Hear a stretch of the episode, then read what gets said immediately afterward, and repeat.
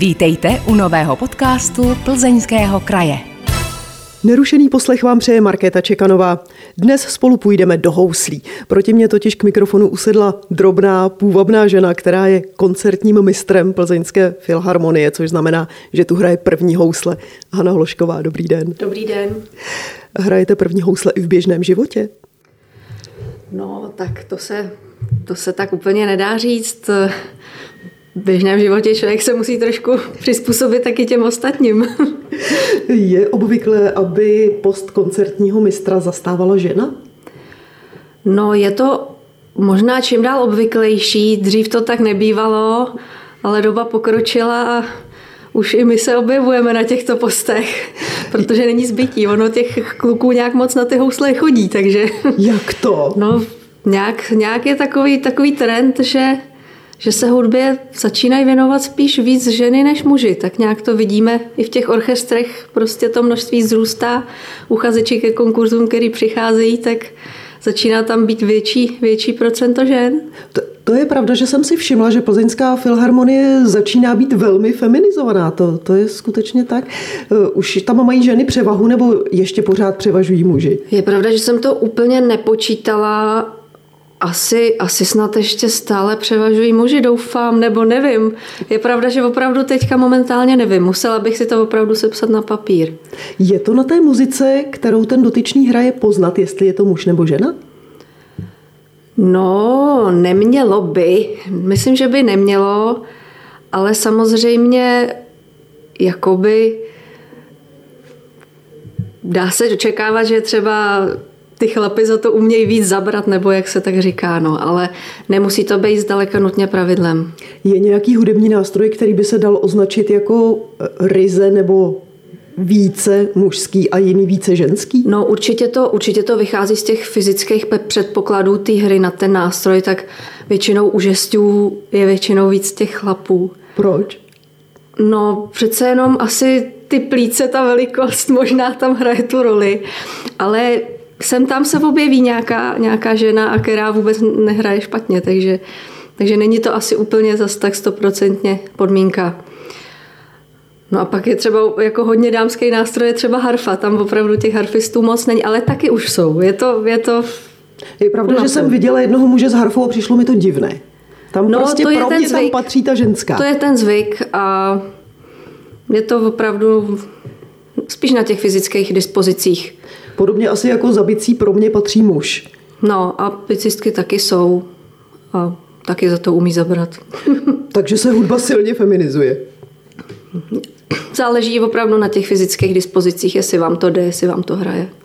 Co obnáší váš post koncertního mistra? Nebo je to jenom titul? Nebo jsou za to i nějaké peníze navíc třeba?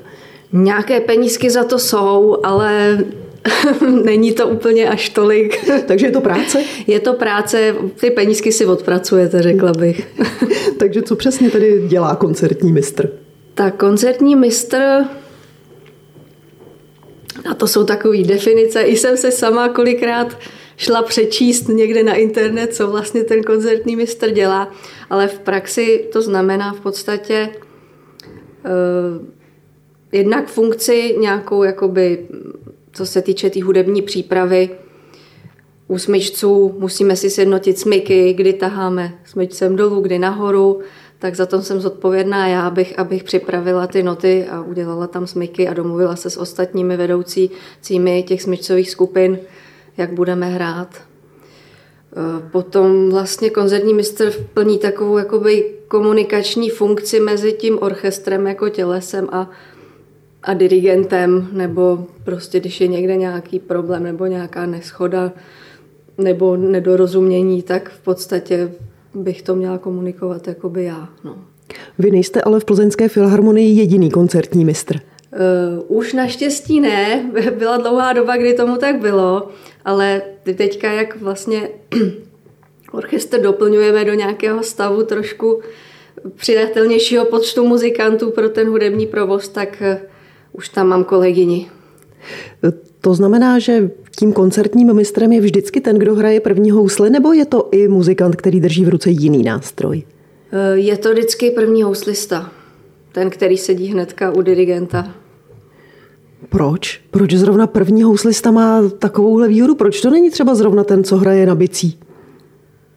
No, je to asi daný tím, že ty housle tak nějak hraj, hrají pořád, dá se říct hodně. A s tomu bicistovi, který tam má opravdu v některých skladbách opravdu jenom třeba tři noty, tak by asi se mu úplně jako ne, ne, nedobře zaujímal nějaký názor na to, na to celé, že jo? takže těžko by to. A neuměl by těm houslistům nasmikovat celou tu partituru? Je to tak, no. V podstatě když, byly, když jsou komorní orchestry bez dirigenta, tak to, tak to vede jakoby a diriguje právě ten první houslista, takže, takže je to tak trošku daný. No. Poslouchají vás kolegové? Měl jste na začátku třeba nějaký problém tím, že jste drobná, půvabná mladá žena? No, nepozor, nepozoruju to. Samozřejmě, když člověk přijde někam do kolektivu jako nový, tak určitě trvá nějakou dobu, než, než si na něj ty lidi zvyknou, ale nesetkala jsem se s tím, že by někdo mi dával nějak najevo, jako tebe neberu. To, to jsem se nesetkala. My jsme řekli, že houslista, tady koncertní mistr, je ten, kterému podává dirigent ruku, když přichází na to jeviště. Mm-hmm. Nezávidí vám to kolegové, třeba hráči na violu, nežárlí? To si myslím, že ne, to, že to, to všichni vědí, jaká je každého role v tom orchestru. A...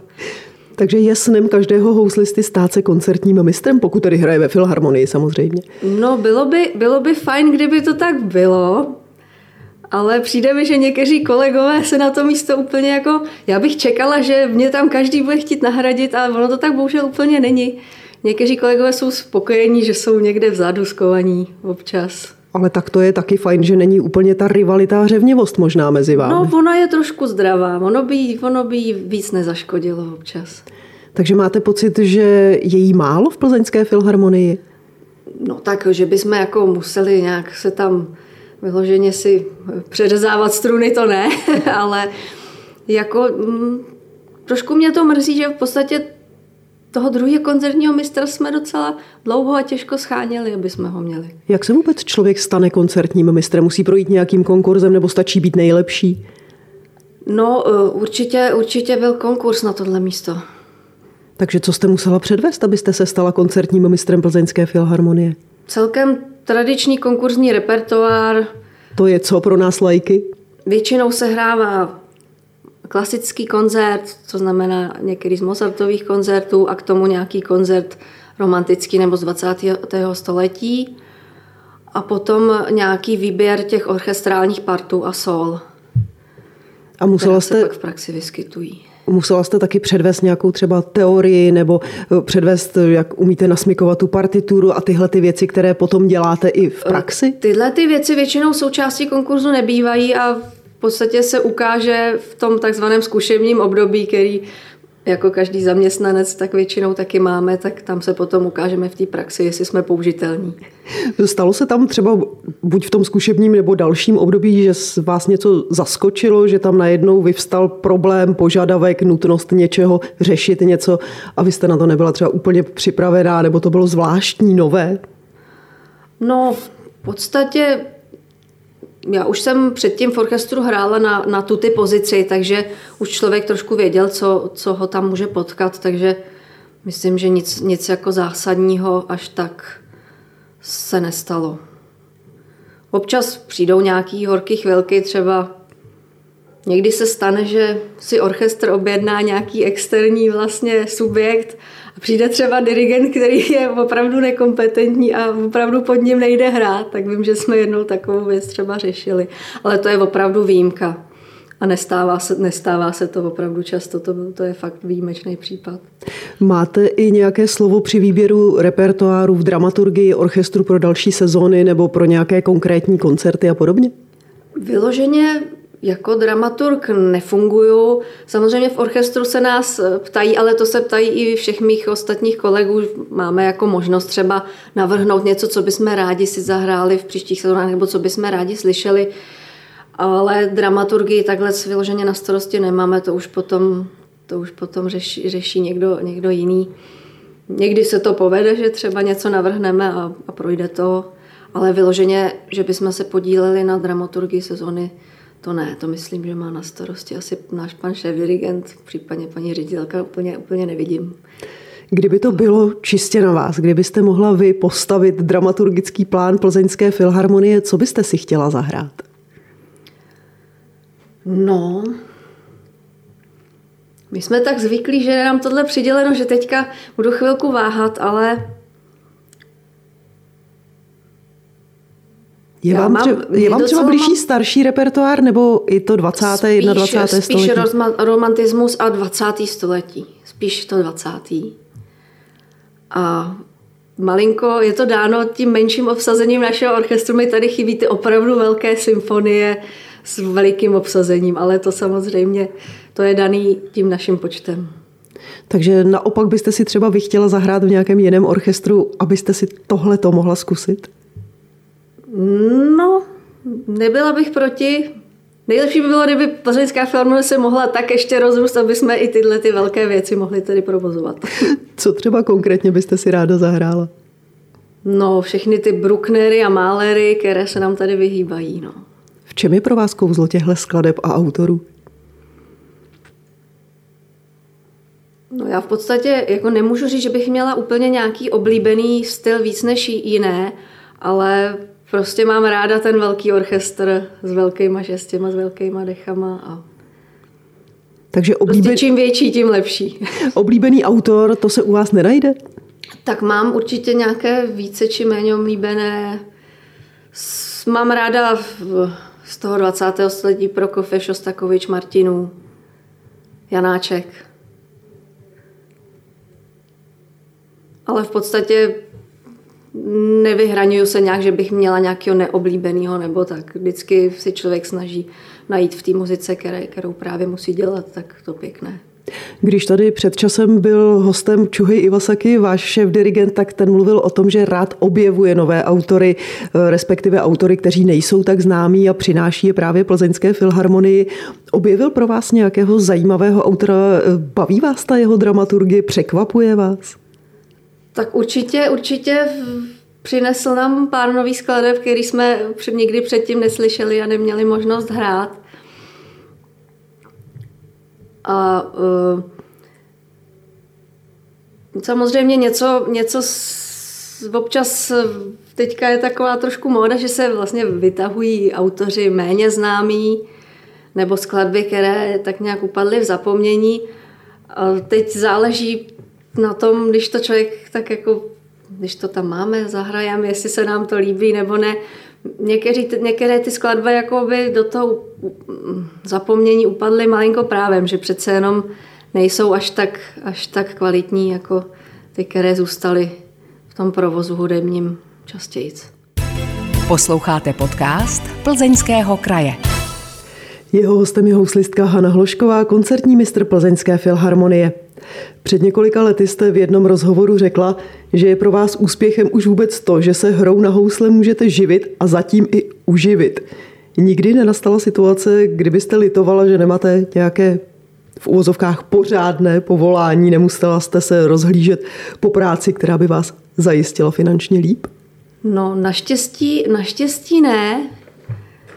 Vzhledem tomu teďka bylo takové to období toho covidu, kdy třeba naši kolegové, kteří jsou na volné noze a nejsou zaměstnáni v nějakém orchestru nebo v nějakém povolání, kde by, kde by jim ten plat chodil i přes ten covid, tak ty, ty někteří opravdu museli na čas nebo někteří možná úplně odešli a zůstali u nějakého jiného povolání.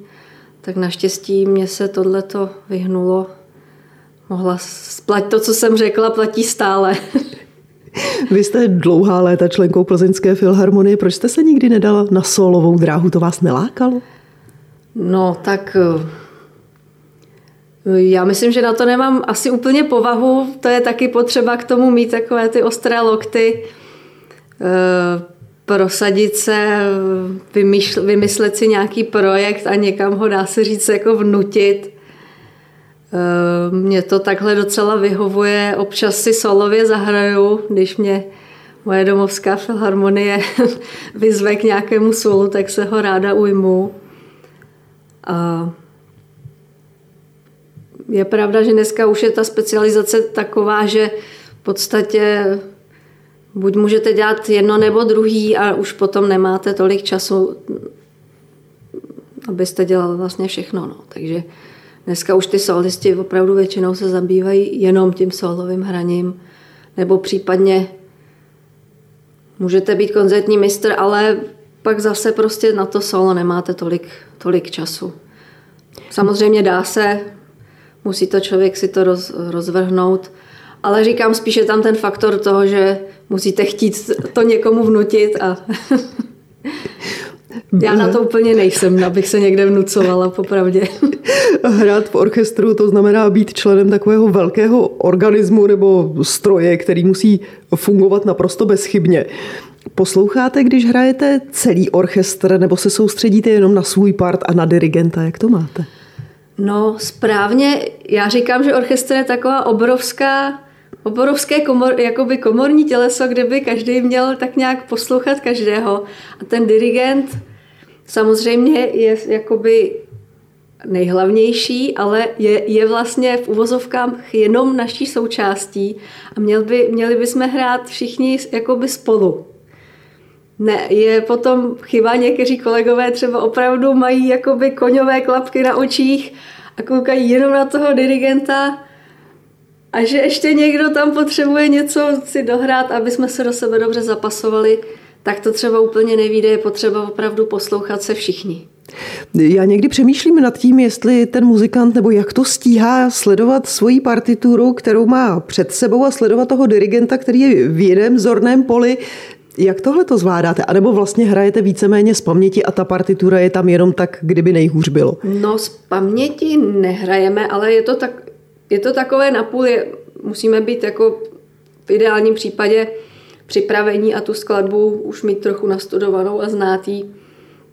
Nejlépe ještě před první zkouškou, aby jsme tak nějak zhruba tušili ty tempa, dynamiky, jak, jak se to bude odehrávat věděli i, co tam mají ostatní kolegové za hraní, na které musíme jakoby počkat nebo dát pozor, aby jsme se sešli dobře.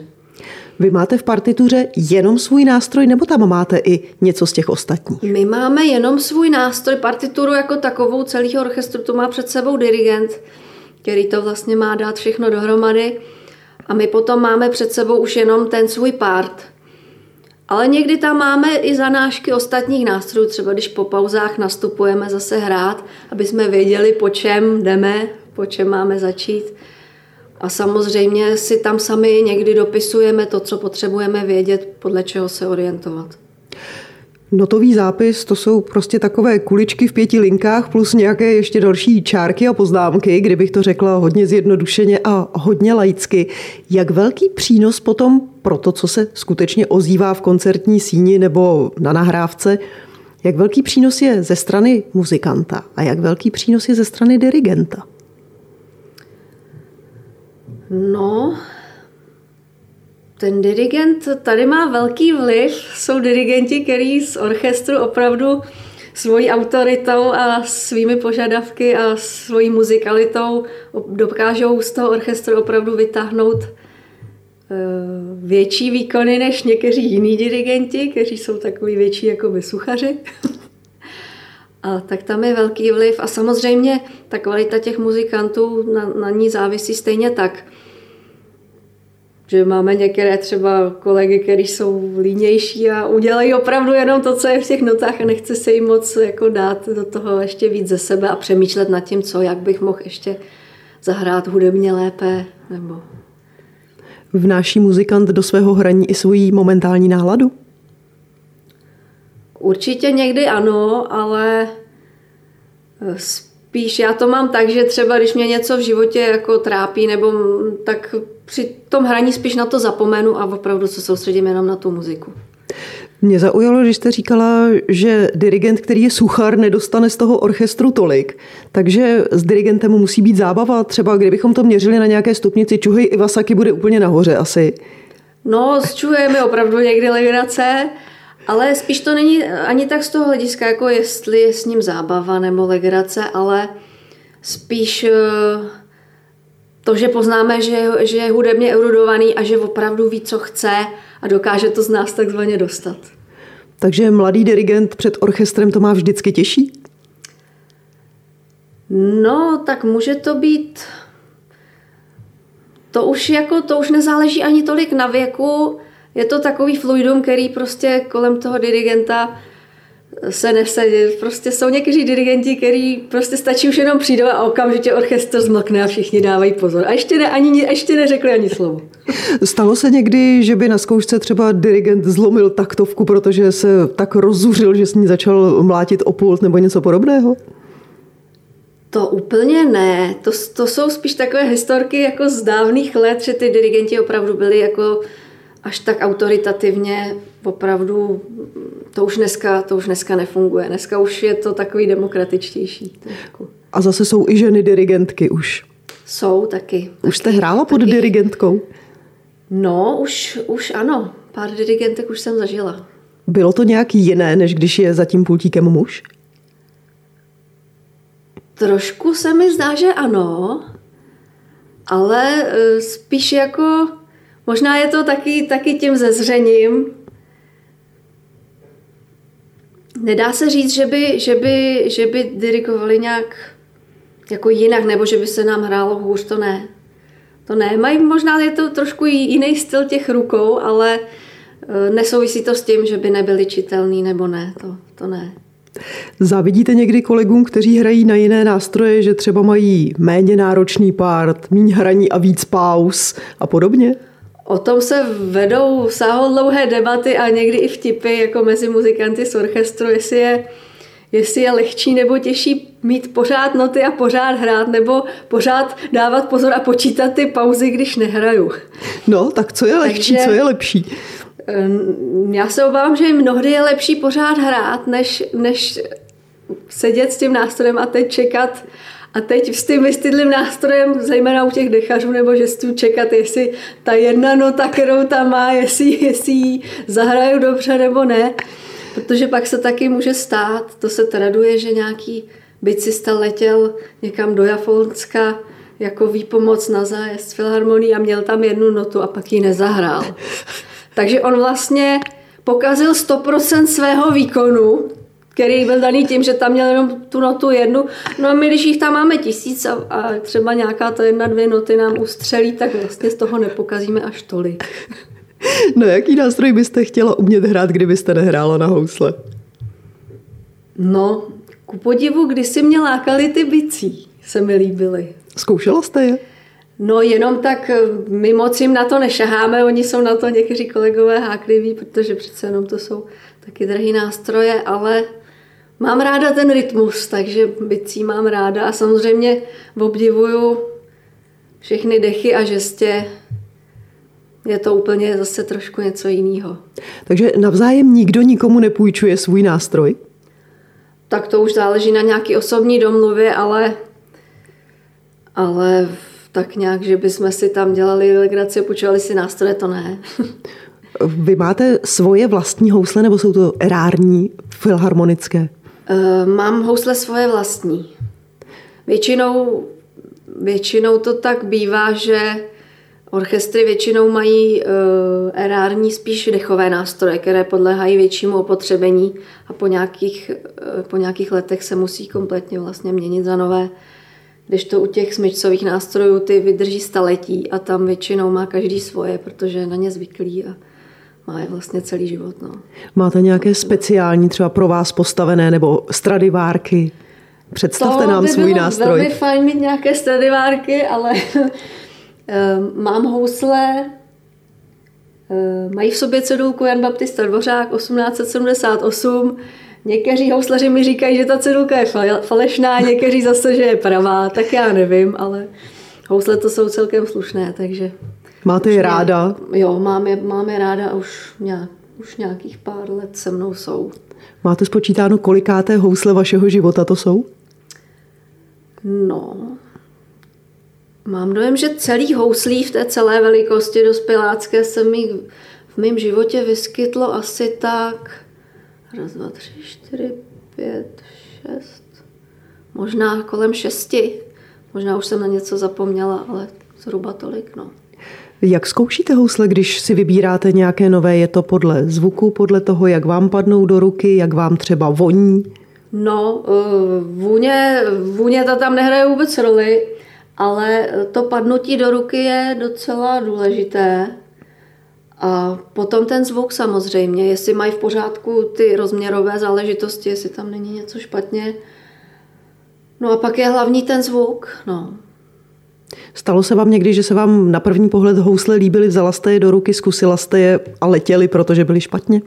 No i to, i to se stane, no. Potom je otázka, jestli je to otázka jenom špatného řízení, nebo, nebo, nebo jestli prostě je to jako nenapravitelná věc. No. A na to je potřeba opravdu ty housle do velkého sálu, protože někdy, někdy housle hrajou u ucha málo, ale do sálu se nesou a někdy je to naopak, že u ucha zní silně a zdá se, že jsou dobré, ale do sálu toho letí málo, takže je opravdu potřeba to důkladně otestovat ve srovnání ještě s jinými nástroji, vzít si na to bandu kolegů a vzájemně si ty housle popučovat a chodit hrát a poslouchat se a takhle se to dá zjistit. No.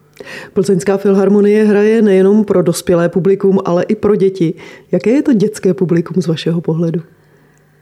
No, řekla bych, že dětské publikum je upřímnější. Eh, líp na nich poznáme, jestli je to opravdu zajímá, protože když je to zajímá, tak stichnou a dávají pozor, a když je to nezajímá, tak, tak dělají hluk a zlobí.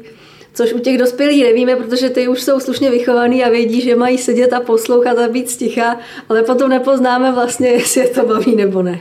Jaká jste byla vy jako malá holčička, malá Hanička, která chodila na filharmonické koncerty, pravděpodobně výchovné koncerty se základní školou?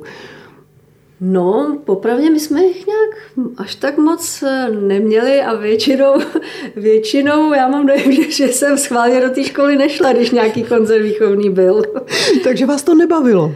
No, spíš, spíš jsem tak, jak už člověk sám tu muziku dělal tenkrát, tak jsem si říkala, tak tam už eh, pro mě nic není. Tak to jako už, co mi můžou předvést nového? Tak to už eh, to je lepší, když budu doma cvičit si sama. No a teď si představte, že by si to řekli všechny děti a vy byste s Filharmonií hráli do prázdného sálu.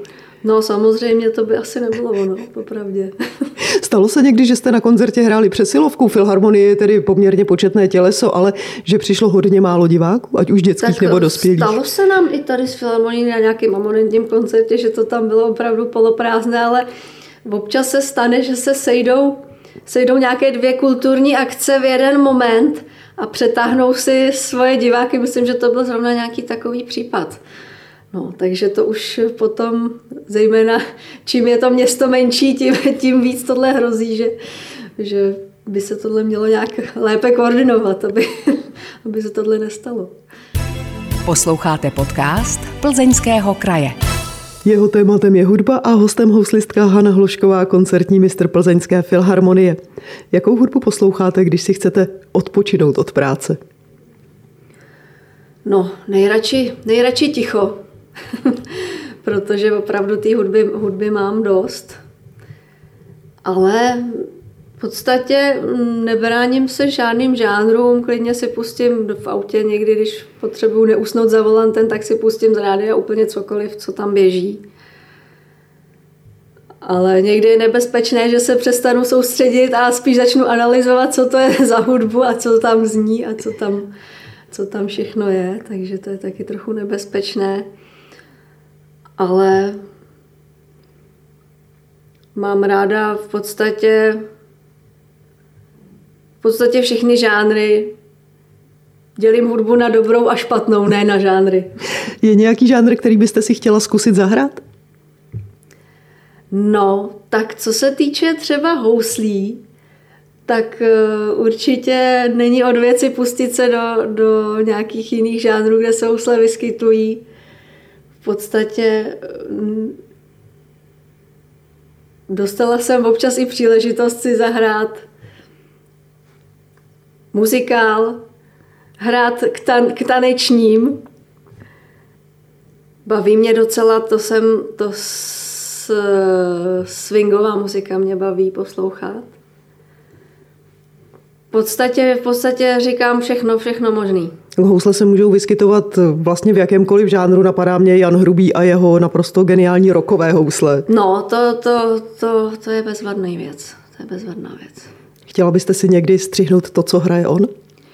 Já bych se na to asi úplně necítila, protože jsem to nikdy nedělala, ale Ale po nějakém důkladnějším studiu asi troufla bych si na to. Musí houslista nějak zvlášť pečovat o své ruce? Máte třeba pojištěnou levou ruku nebo tak? No, nějaký takový pojistky existují, ale v našich končinách to asi úplně, úplně není, není zvykem. Myslím, že stačí jenom nějak s rozumem na sebe dávat trochu pozor a zatím se mi musím zaťukat eh, nějaký vážnější úraz jako vyhnul. Musíte třeba v zimě na sebe dbát a nosit opravdu rukavice, aby vám ruce nepromrzly, neprokřehly? No určitě, určitě jo, protože potom, když někam přijdu a mám zmrzlý ruce, tak dlouho trvá, než by se mi zase zahřály a mohla bych pořádně hrát.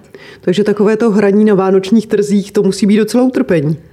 No, já se tomu, čím je člověk starší, tím, tím více tomu vyhýbám, protože opravdu ty klouby takhle trpí a Není, není, to, není to dobré. To je jako kdybyste sportov, sportovce nerozehřátýho pustili rovnou, aby se rozběh a skočil. To by se mu taky mohlo něco stát. Hráváte v takové příležitosti asi v ustřižených rukavicích, ale ani to asi nebude úplně komfortní. No, uh, ustřižený rukavice jsem zkoušela, ale Oni ty housle po nich tak kloužou, že mám strach, že by mi z těch rukou vypadly, takže spíš to řešíme tak, že máme v kapsách takové ty ohříváčky a každý volný moment si tu ruku člověk někde ohřívá a pak chvíli zase vydrží. A pak chvíli hraje na ty rozladěné housle, které v tom razu nevydrží. No, no, no. Je, je pravda, prostě já zastávám názor, že tak jako sport patří na stadion, tak hudba patří do koncertního sálu, kde jsou na to ty nejlepší podmínky, jak pro provozování, tak pro ten poslech. Já si představuju, že houslista má na levé ruce na prstech mozoly a pravá ho bolí v rameni. Pletu se? No, ty mozoly, ty, ty máme, to je pravda. To prostě od těch strun při tom množství hraní vzniknou a je potřeba, aby tam byly, protože když člověk nějakou dobu nehraje a ten mozol odroste, tak to pak zase chvíli bolí, než se tam vytvoří. A pravá ruka by bolet neměla, pokud člověk cvičí dost a není unavený z toho, že by nějakou dobu nehrál a pak toho bylo moc, neměla by bolet.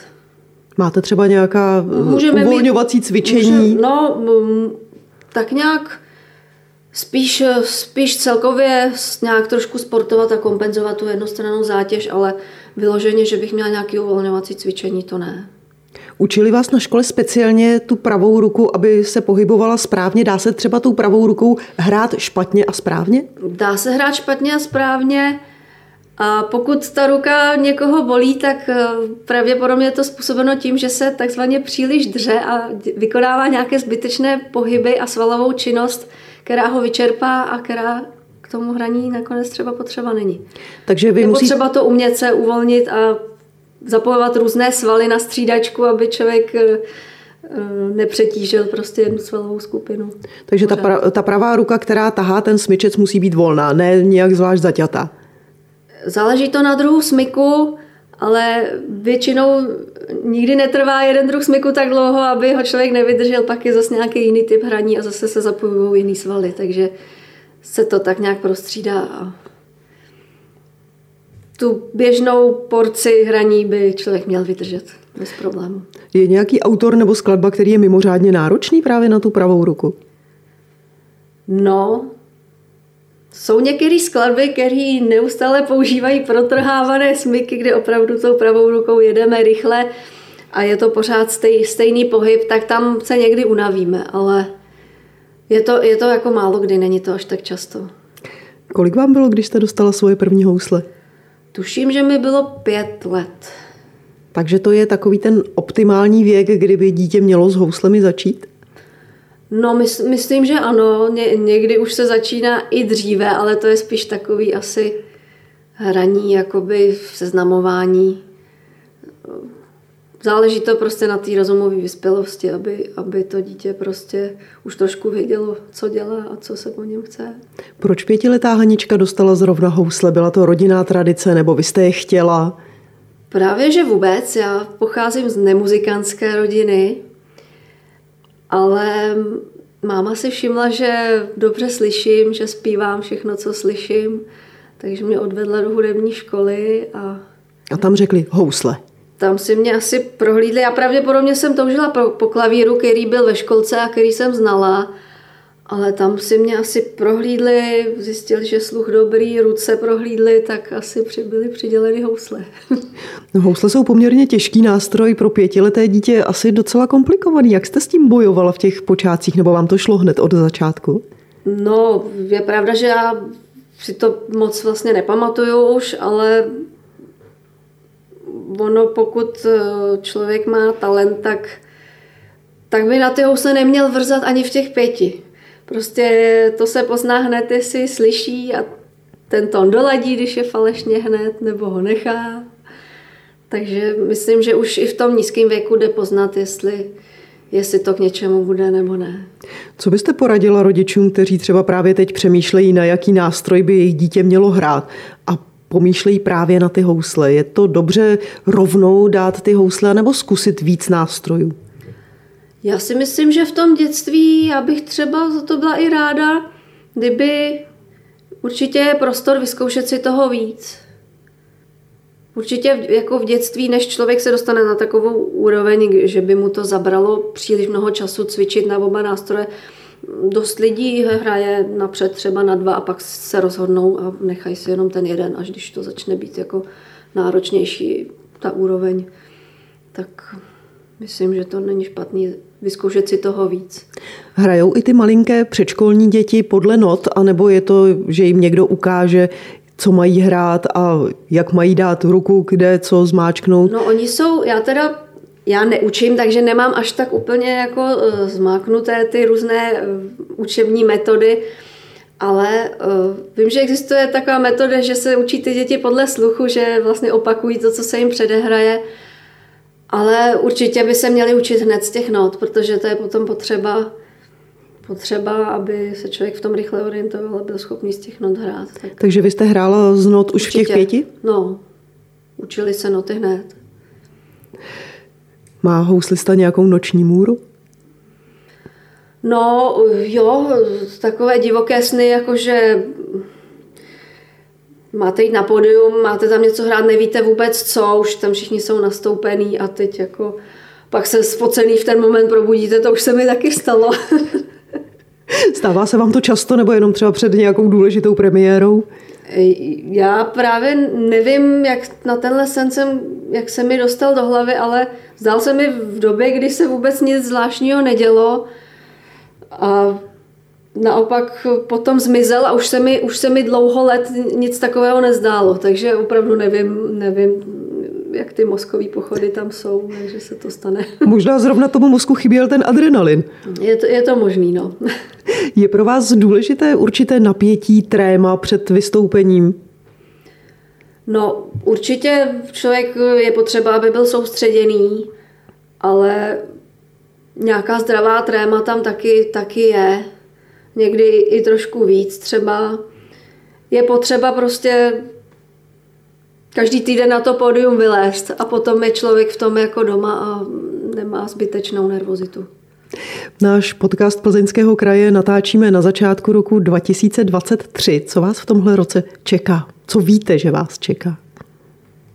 No, já doufám, že mě čeká ten naprosto běžný provoz, že už nás žádný covid ani nic podobného vlastně nevyhodí z míry a že prostě vždycky otočím stránku v diáři, tam uvidím další program, na který se nachystám a že to tak půjde dál a dál týden za týdnem. Tak já vám přeju, aby váš rok 2023 byl přesně takový a abyste se potkala se spoustou zajímavých lidí a krásných partitur, abyste měla na konci roku na co vzpomínat. Hostem podcastu Plzeňského kraje byla Hana Hlušková, koncertní mistr Plzeňské filharmonie. Já moc děkuji, že jste přišla. Já taky děkuji za, za pozvání. Vážení posluchači, znáte ve svém okolí někoho podobně zajímavého, koho bychom měli pozvat jako hosta do podcastu? Dejte nám o něm vědět na adresu podcasty zavináč plzeňský kraj.cz. Na vaše e-maily se těší Markéta Čekanová. Díky za to, že jste poslouchali tento podcast.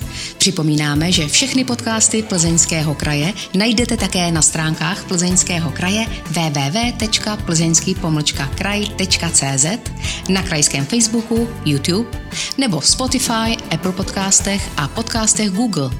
Aby vám neutekly další díly, nezapomeňte nás sledovat nebo si přihlásit odběr, ať už nás sledujete nebo posloucháte kdekoliv. Těšíme se v příštím dílu naslyšenou.